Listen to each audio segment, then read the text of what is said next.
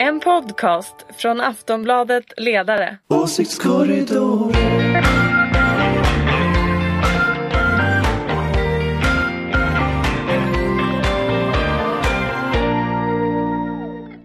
Hej och välkomna till Åsiktskorridoren. Det blev ju ingen podd förra veckan, eh, men nu är vi tillbaka som vanligt och vi ska försöka sprida lite ljus över den dimma som är svensk politik. Vi befinner oss ju i mars och åtminstone här i Mellansverige där jag befinner mig så börjar det nästan kännas som en smula vår i luften. Eh, om, det, om, jag, om jag nu låter lite extra täppt i näsan kan det faktiskt bero på allergi. Med mig för att reda ut politikens gåtor finns, precis som vanligt, Ulrika Schenström. Oberoende moderat och chef för den gröna och liberala tankesmedjan Fores. Välkommen! Tackar, härligt att vara här. Dessutom direkt eh, från den oberoende socialdemokratiska Aftonbladets ledarsida, Jonna Sima. Välkommen! Tack, tack! Och som alltid Anders Lindberg, politisk chefredaktör eh, för samma oberoende Aftonbladet. Välkommen du också! Hej, hej! Hej, hej! Eh, själv heter jag Ingvar Persson och är ju till vardags också ledarskribent på Aftonbladet. Idag ska jag dock vara en alldeles oberoende och rättvis programledare för Åsiktskorridoren. Jag tänkte att vi skulle börja med förra veckans stora politiska nyhet. Med röstsiffrorna 13-10 bestämde Liberalernas partistyrelse i fredags att man vill ingå i en borgerlig regering efter nästa val, även om det skulle vara en regering som skulle vara beroende av Sverigedemokraterna. Däremot tänker Sabuni tydligen inte förhandla budget med Jimmie Åkesson. Vet vi vad som kommer hända efter valet nu Ulrika? Nej men alltså det här är ju så löjligt. Det är klart att han, hon kommer behöva liksom eh, Eh, hantera en budget med honom. Så är det ju bara. Eh, det, har jag ju sagt så många gånger nu att det, det, är ju självklart. Utan budget blir det ingen regering så det är klart att den kommer behöva förhandlas. Sen tycker jag att det är snyggast inför väljarna att göra det före valet och inte i valrörelsen eller efter valrörelsen. Ehm, jag menar naturligtvis efter valrörelsen, utan jag tycker egentligen att de borde börja nu så att man vet ganska god tid före valet hur det ser ut och, och vad Sverigedemokraternas politik är för någonting som kommer att komma igenom. Det tycker jag är jättespännande att få veta. Men det fick vi inte veta av Sabuni. Nej. Sen kan jag ju liksom så här, alltså man kan ju förstå på ett sätt att hon säger att hon vill, precis som Annie Lööf, gå till val på sig själv och att hon vill liksom ingå i det gamla alliansblocket. Fine, men, det, men då måste man ju också kunna svara på eh, vad Sverigedemokraterna kommer få igenom i budgeten. Jag tycker det är en självklarhet och glasklart helt enkelt. Ja, så det är glasklart vad som borde hända men inte riktigt glasklart ja, vad som men vi vet hända. ju, Men vi vet ju också att Sverigedemokraterna själva inte kommer att ge något eh, eller ge, ge liksom en konservativt block med Liberalerna ett eh, mandat att bilda regering om de inte får i. Om det, om det vet vi att Oscar Sjöstedt sa. Han sa ju noll eller allt. Noll eller allt. Mm. Ja, Jonna, vad tänker du? Ja, inte är det glasklart i alla fall. Eh, men inte heller förvånande att hon kommer med det här beskedet. Det kändes ju verkligen som att hon hade längtat efter att få säga det här. Eh, och ehm, vi skrev ju redan i fredags att eh, visst osar det här beskedet också desperation. Naturligtvis måste hon göra någonting för att skaka liv i de opinionssiffror som partiet har. Det är ju verkligen en katastrof. Så att vi får väl se om det här flyger. Eh, nu har ju de här tyngsta eh, eh, ja, partikamraterna i Stockholm, eh, de tycker inte att man ska gå vidare med den här politiken, eh, utan motsätter sig ett samarbete som är beroende av Sverigedemokraterna. Så att eh, det ser lite mörkt ut för henne. Anders, är det här lösningen på Liberalernas problem? Det vet jag inte, det beror ju på hur man definierar problemet liksom. Alltså, jag tror ju att grunden till problemet ligger i politiken. Man vet inte riktigt varför man ska rösta på Liberalerna. Eh, de var tidigare ett skolparti, nu är de ett, så att säga, ett nollfrågeparti och det, det är en ganska tuff position. Och det enda jag kan påminna mig om att Liberalerna har diskuterat de här senaste tre åren, det har ju varit regeringsfrågan. Och det i sig vinner nog inga väljare. Så att jag tror ju att man börjar i fel ände. Sen, sen är ju ett kärnproblem här med Nyamko Sabuni verkar ju vara att hon har ju halva sitt parti med sig lite knappt. Om det var var halva riksdagsgruppen och halva partistyrelsen i fredags. Och eh, nu verkar det ju bli ungefär halva förtroenderådet, eller partirådet då som det väl heter där, eh, i slutet av mars. Eh, och det är klart att det är ju svårt att liksom leda ett halvt parti. Eh, jag kan inte påminna mig någon annan partiledare som utan en bred förankring har drivit igenom den här typen av frågor. Så det är liksom ett väldigt konfrontativt ledarskap eh, som hon ju uppenbarligen har. Och det tror jag i sig kan vara ganska stort problem kommande året. Eh, jag har lite svårt att se de som är i opposition mot det här, att de skulle kunna vara kvar i liksom ledande positioner. Och jag har ganska svårt att se om hon kan vara kvar som, som i den här positionen om hon förlorar detta. Så hon ställer ju väldigt, väldigt mycket på sin spets eh, på det här sättet. Tänk om hon förlorar förtroenderådet. Vad, liksom, vad är kvar då? Jo, men, men antagligen så är det väl så här, jag menar vi kan ju tycka vad vi vill om, om vad hon har gjort men om vi sätter in oss i hennes situation och att hon inte hade gjort något så hade inte det heller gått. Så att jag menar det här är ju lite pest eller kolera. Ehm, så att något behövde hon ju göra. Sen behöver vi inte tycka att det hon gjorde var rätt, men någonting behövde hon ju göra. För att efter, eftersom, eftersom hennes parti är så pass uppdelat eh, gör hon någonting åt ena hållet då tappar hon de andra. Så att det liksom, sen att försöka få dem att enas, ja det kunde hon ju ha gjort men, det, men de gapar ju allihopa eh, så att hon riskerar ju att tappa åt båda håll. Men om jag tänker att man ska välja mellan pest eller kolera, då ska man ju välja kolera. Därför att man överlever ju kolera. Man dör av pesten. Ja, absolut, jag kan hålla med om det. Men jag tycker å andra sidan att det är oerhört spännande när hon gör det här därför att jag är så otroligt ute efter att få Sverigedemokraterna att lägga liksom korten på bordet. Vad är, det vi, vad är det vi får ifall de ska ge någon? Eh, jag tycker det är jättespännande. Vad händer med jämställdheten? Vad händer med kulturpolitiken? Vad händer med massor med saker som inte har någonting att göra med det som de hela tiden pratar om, nämligen kriminalpolitiken. Så jag tycker det är jättespännande. Ni inser hur ironisk jag är nu när jag ja, säger så. Mm. Eller vi. hur? Ja. Och vi inser också att du kanske inte tror att du kommer få de där beskeden. Nej, men det vore spännande att veta. Jag menar, tittar man till exempel på budgeten alltså eh, vad de vill, till exempel när det gäller, de vill ju ha ett, ett, ett samhälle där vi ska eh, helt enkelt eh, ett angiverisamhälle där till exempel om jag får veta att Jonna gömmer en flykting hemma, då kommer det bli så att jag kanske, jag om, jag, om det kommer fram att jag vet det men inte anmält detta, då, då är det jag som råkar illa ut också. Så att jag menar, vill vi ha ett sånt typ av samhälle? Nej, det vill vi inte, men jag vill veta om det är det de tänker driva igenom i så fall. Då vet vi ju det, jättebra. Jag tycker det här med varudeklaration före valet är ganska bra. Men det, jag håller med om det, men, men det är också ganska intressant att just Liberalerna är den svaga länken mot extremhögern. Det kan man verkligen, det kan man verkligen tycka. Jag är helt med på att du tycker det. Jag är helt på samma sida. Jo, men det, det är en intressant givet historien. Liksom. att, att, att, Liberalerna ändå har varit ett parti som har stått upp mot Sverigedemokraterna och, och andra liksom, högerextrema grupper alltid. Och nu så byter man då fot eh, i en situation när övriga världen kanske går åt andra hållet. Jag upplever ändå en ganska stark kritik mot liksom Trump-rörelsen och stormningen av Kapitolium. Och vi såg i veckan nu här hur, hur EPP-grupperna, alltså Moderaterna och Kristdemokraterna i Europaparlamentet slänger ut Viktor Orban ur sin grupp. Det är ju ganska sannolikt att Viktor Orban nu, ja, men nu går med i samma grupp som Sverigedemokraterna har. Det finns ju två högerextrema grupper eh, i Europaparlamentet. Och då skulle alltså Moderaterna slänga ut Orban men samarbeta med SD hyfsat samtidigt. Det är en otroligt konstig liksom, utveckling. Nej, jag tycker det är just helt... då byter fot blir ju väldigt udda. Men bortsett från det så tycker jag också det är taktiskt märkligt för att, att så ovillkorat säga att man kommer stötta Ulf Kristersson.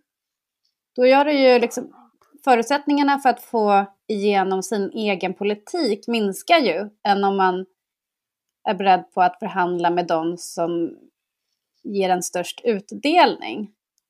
Nu är liksom Annie Lööf ensam kvar med att säga att hon är beredd att samarbeta till höger eller vänster beroende på var hon får igenom mest och bäst centerpolitik. Och där tror jag Annie Lööf också vill vara. Om jag ska vara ärlig. Ja, ja. Jag bara Och det är väl inte så att konstigt. Vilka Nej. politiker vill inte vara i den positionen? vill inte få igenom politik, det blir så Vilket mycket symbol. underlag liksom hon har med Stockholms innerstad och Lund och Göteborgs innerstad och de här. Ja, det, är, det är ett underlag som inte hette duga. Det är lite udda med tanke på att Liberalerna, Liberalerna historiskt har ju varit det partiet som har varit storstadsliberaler och Centern landsbygdsliberaler. Och nu överger Ja, Sabuni storstäderna. Nej, men hon överger ju storstäderna, Sabuni, på det här sättet. Det är Folkpartiets, eller förlåt mig, Liberalernas väljare finns ju i Stockholm. Och Stockholm har sagt att det här är en dålig idé, så även om hon har stöd av liksom, små liberalgrupper ute i landet så är det fortfarande väljarna finns ju i Stockholm. Jag tycker också att det finns något rörande i den här äh, kaxiga, eller självgodheten, eller som vi var inne på där i början, att nej, men man ska inte förhandla om budgeten med SD. Men alltså SD är ju, jag vet inte, hur, är de fem gånger så stora som Liberalerna? Och i, på det konservativa planhalvan kommer ju de vara det näst största partiet garanterat. Alltså det är klart att sådana här lilleputtar som Liberalerna och konstigt då att man Kristdemokraterna. skulle som väldigt stort parti inte ha någonting att säga till om. Nej, men det är ju bara det är bara trams. trams. Ja, jaha, nej, men då, då, där fick vi klart. Det verkar som vi väntar på besked fortfarande och så vet vi att eh, Sabuni uppenbarligen har halva partiet. Om hon också har hälften av väljarna så blir det inte så många kvar eh, med sig i det här. Eh, men fler besked kommer. Det har ju hänt fler saker. Vi får gå vidare här. I lördag samlas några hundra personer på Medborgarplatsen i Stockholm för att demonstrera mot coronarestriktionerna. Det blev rätt stökigt om man har förstått rapporterna rätt. Eh, och då är ju frågan, ska vi betrakta de här demonstrationerna som är uttryck för en liten grupp konspirationsteoretikers eh, ilska? Eller är det så att människor håller på att tröttna helt och hållet? Anders? Alltså just de här konspirationsteoretikerna ska vi nog betrakta som konspirationstroende. Alltså det, det- är liksom 5G och det var invandring och det var eh, New World Order och alltså om man, om man, jag, jag har haft ett intresse av att följa extremhögern och liksom den här så kallade konspiracistiska rörelsen som man pratar om, som är som en blandning av konspirationer och, och högerextremism och, och någon slags nyandlighet och så. Och väldigt mycket av rötterna till det här, den kommer ju från samma kretsar. Alltså det, det är liksom the usual suspects i någon mening, eh, alltså samma grupper som ställer upp. Eh, och tittar man på just den här konspirationstroende gruppen som på något sätt hittar eh, att det finns en världsordning, att eliten ska liksom lura folket på det här med, med vaccin och 5G och, och liksom hela det här. Den gruppen hade nog kunnat tänkas demonstrera oavsett coronarestriktioner eller inte. Eh, därför att den gruppen är i grunden mot det, den moderna medicinen som finns. Den är inte bara mot vaccin, vaccinet nu, utan den är liksom, många där har också ekonomiska intressen i den här alternativmedicinen. Eh, jag har ju skrivit om den här typen av saker då och då genom historien och det, man får alltid enorma reaktioner på nätet, så de, de finns liksom, de finns liksom där ute. Sen tror jag rent allmänt att folk kanske tröttnar på coronarestriktionerna, det tror jag ju, det känner man ju själv. Man är jättetrött på det här. Eh, vi har nu suttit hemma, Aftonbladets ledarsida har nu suttit hemma och jobbat hemifrån sedan 11 mars. Det är alltså, det är nästan exakt en må, eh, ett år har vi suttit och jobbat hemifrån. Eh, och det är klart man är less på det här, men man kan ju inte, man kan inte göra så mycket åt det, mer Du- än vänta på vaccin. Vill du ge dig ut på gatorna, Anders? och demonstrera Fundera för det. Nej, det kommer jag inte göra. Nej, men sen, också, sen är det ju också så att det är klart att du kan ju... Nu vet vi ju inte om det här blev ett superspridare-event, men det finns ju en ganska stor risk att om man ger sig ut på gatorna i strid med coronarestriktionerna så blir konsekvensen att människor hamnar på intensivvården och i värsta fall dör. Eh, och det måste man ju, det kan man ju tycka är dåligt. Men, men hur, alltså den här diskussionen, eh, för parallellt med, med att det då demonstreras eh, i Stockholm mot alla restriktioner som finns, så har vi ju en jätte, jättestor debatt om att vi har alldeles för lite restriktioner. Är det här liksom en hopplös eh, situation? Håller politiken på att tappa?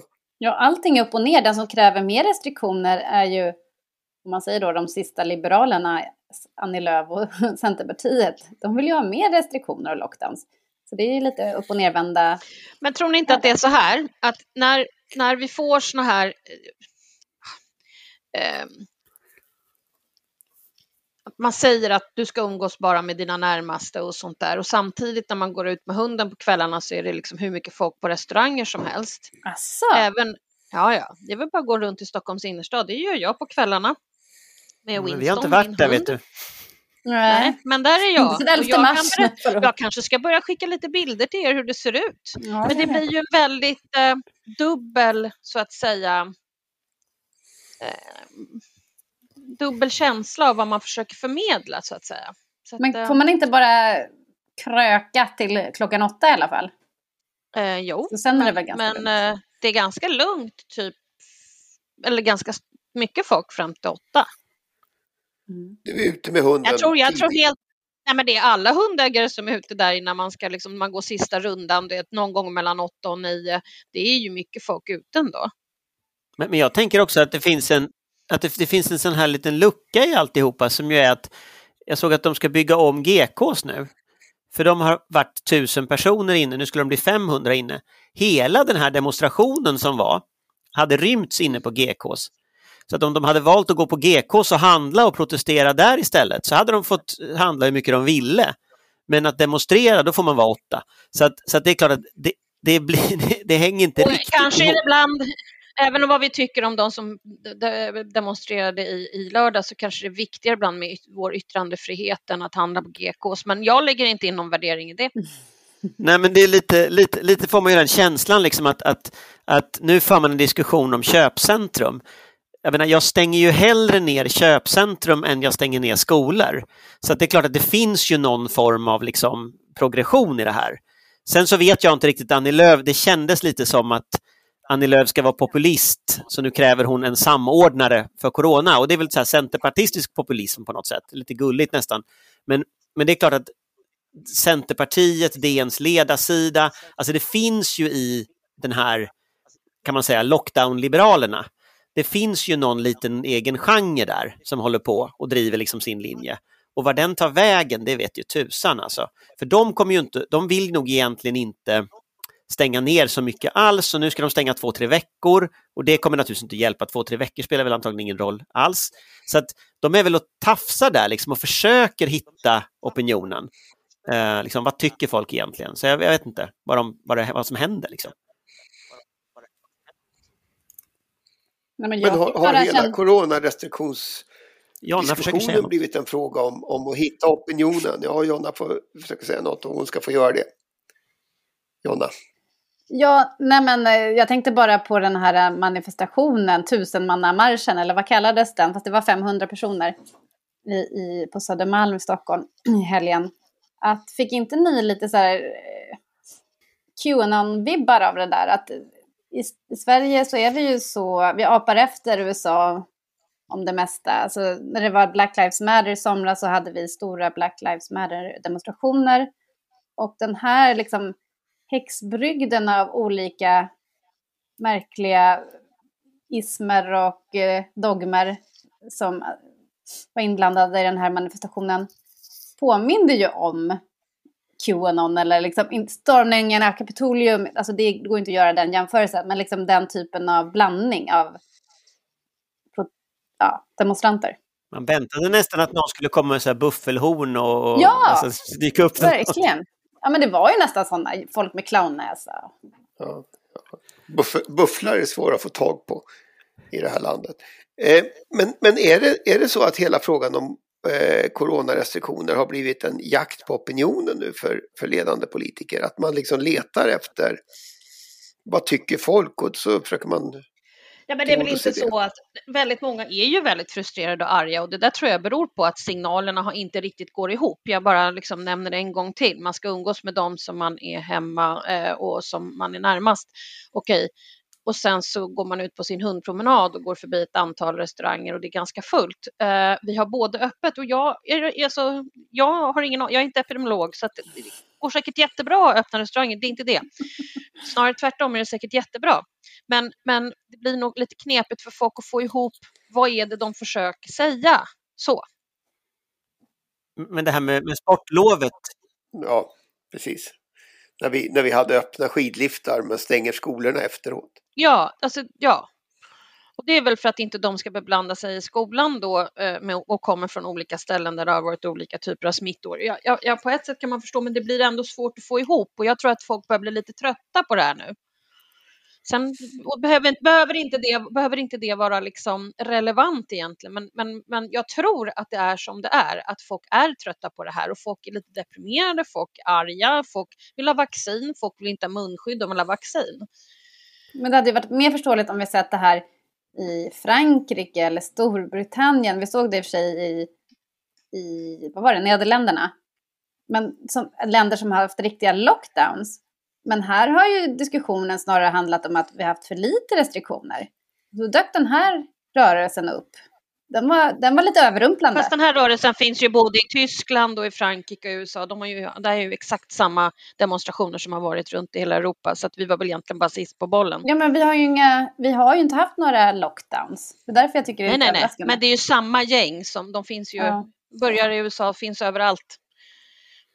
Vaccinskeptikerna. Men, eh, men, är det inte just det som, som Ulrika satte fingret på där, att folk vill ha vaccin, inte munskydd? Och, och, vaccineringen har ju inte, mm. liksom, i Stockholm har ju havererat fullständigt men, men, men även i övriga landet så, så, ja. så, vill ju människor ha vaccinet. Man vill ju få, få fram det där så att man kan liksom återgå till att träffa barnbarn och, och, och så. Och det är klart att den frustrationen... Ja, känna sig trygg och känna sig enorm.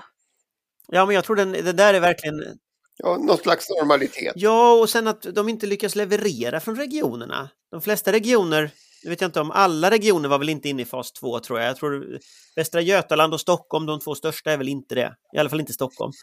Men, men det är klart att, att det, det är ju någonstans där i april-maj så tror jag debatten kommer att ändras. Jag tror det kommer att finnas ett tryck för att öppna upp eh, som är enormt starkt när så att säga, dödssiffrorna går ner och tillräckligt många har va vaccin så att, så att man inte är så, så rädd längre. Att, Håller helt liksom... med dig Anders, men ända fram till ungefär om två månader så kommer folk vara lite arga tills de har fått sitt vaccin. Så är det ju bara. Mm. Det där är väl en fråga vi får komma tillbaka till. Ansvaret för det bristande vaccinet är väl ett, ett ämne för kommande åsiktskorridorer. Ja, det är väl ganska givet vilka som har ansvar för det bristande vaccinet just nu skulle jag säga. Jag skulle säga att det där är i Stockholm är det ju, är det ju Svenonius som är ansvarig för att det här inte funkar när Stockholm ligger mycket sämre till än alla andra. Men sen är ju hela strategin som EU har är ju naturligtvis en, en, fråga som kommer att diskuteras. Var det smart att förhandla som man gjorde? Exakt, och där har vi en Swexit-debatt, kommande Swexit-debatt bara som på beställning som jag lovar er att Sverigedemokraterna kommer att ta. Ja, nu har de äntligen fått tillfälle att göra det. Jag har, jag har bara väntat, men den kommer säkert. För det visade sig att Storbritannien verkligen har klarat av det här. De öppnade skolorna idag och eh, de ska öppna upp i juni. Eh, då kan jag säga er att eh, då kommer den här Swexit-debatten som sagt komma som för en stor beställning från Sverigedemokraterna. Vi lär få återkomma till det. Jag tänkte faktiskt att vi skulle hinna med en fråga till nämligen. Hertigen och hertiginnan av Sussex, för det är de väl fortfarande. Alltså Harry och Meghan har ju talat ut hos Oprah Winfrey Bland annat har de berättat om rasistiska kommentarer innan deras första barn föddes. Borde vi bli förvånade, Jonna? Nej, inte vi som har följt The Crown på Netflix. Har ju sett, eller följt den här djupt dysfunktionella familjen som vilar på sitt koloniala blodiga arv. Så att nej, vi blir inte ett dugg förvånade, men ändå lite chockade. Inte förvånad, men chockad. Ja. Är det en bra beskrivning Ulrika?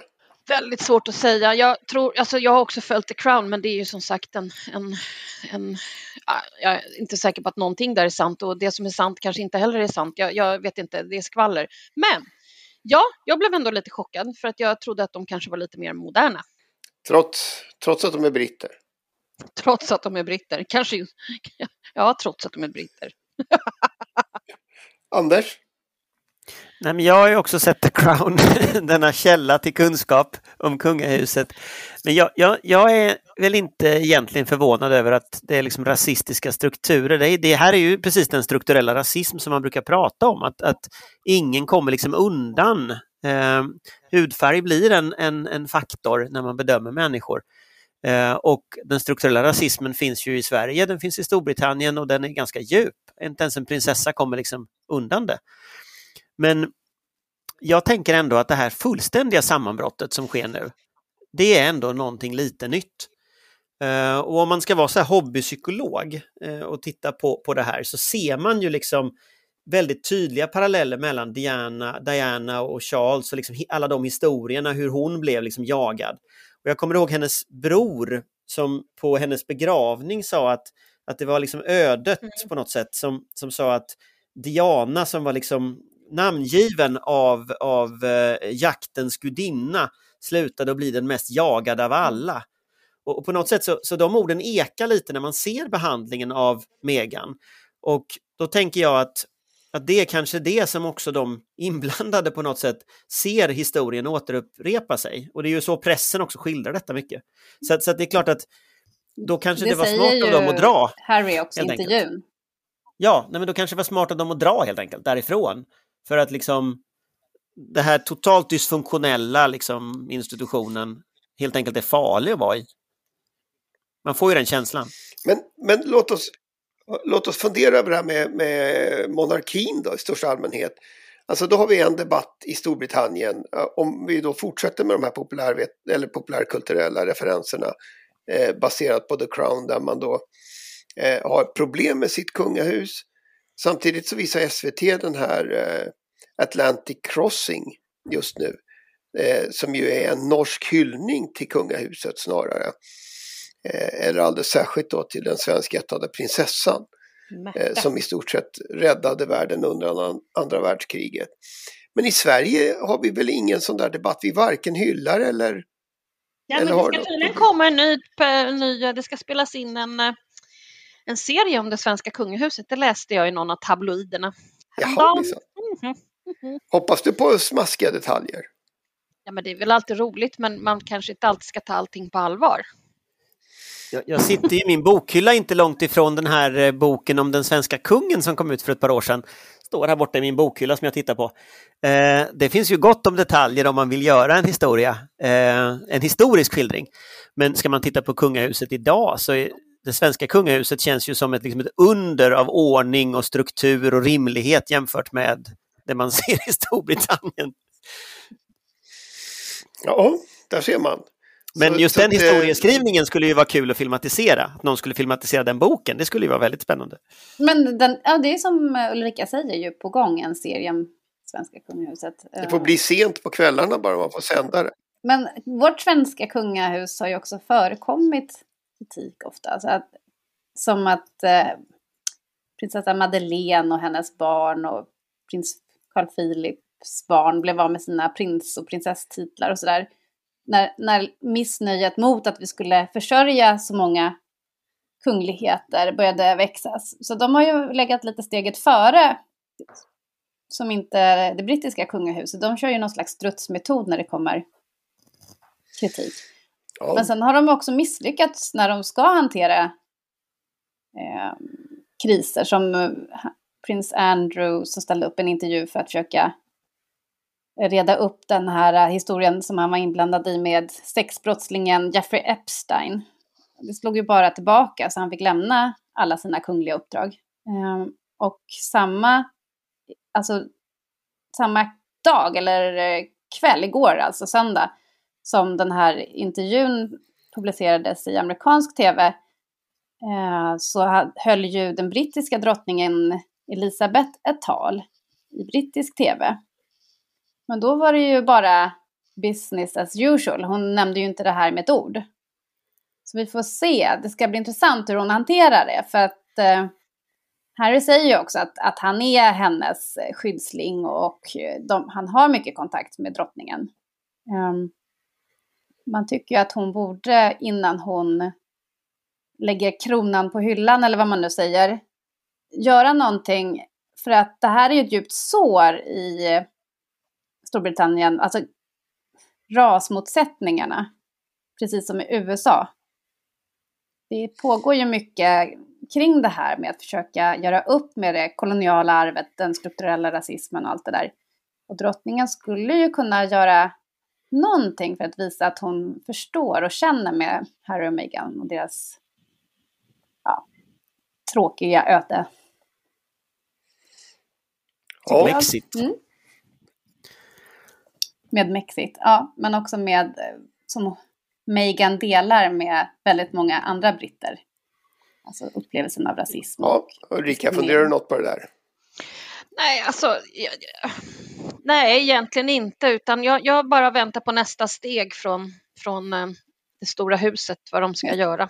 Jag trodde nästa säsong av The Crown, trodde du skulle vänta på. Men Det, var, det Eftersom, väntar jag eftersom, vi, ja, eftersom vi har varit inne på, på eh, populärkulturella referenser, to be continued, Ja, som det ju brukar heta. Eh, så får det nog bli också. Jag känner att det kunde vara nästan ett tema för det här eh, avsnittet av Åsiktskorridoren. Det känns som det var många frågor vi kommer komma tillbaka till. Så det får bli to be continued i nästa veckas eh, avsnitt av Åsiktskorridoren. Som vanligt vill jag tacka panelen. Tack Ulrika, tack Jonna och tack Anders. Tack, tack. Och sen vill jag förstås eh, tacka alla er som lyssnar på Åsiktskorridoren. Eh, ni lyser upp våran tillvaro. Ja, definitivt. Ha en fin vecka alla. Hej då! En podcast från Aftonbladet Ledare.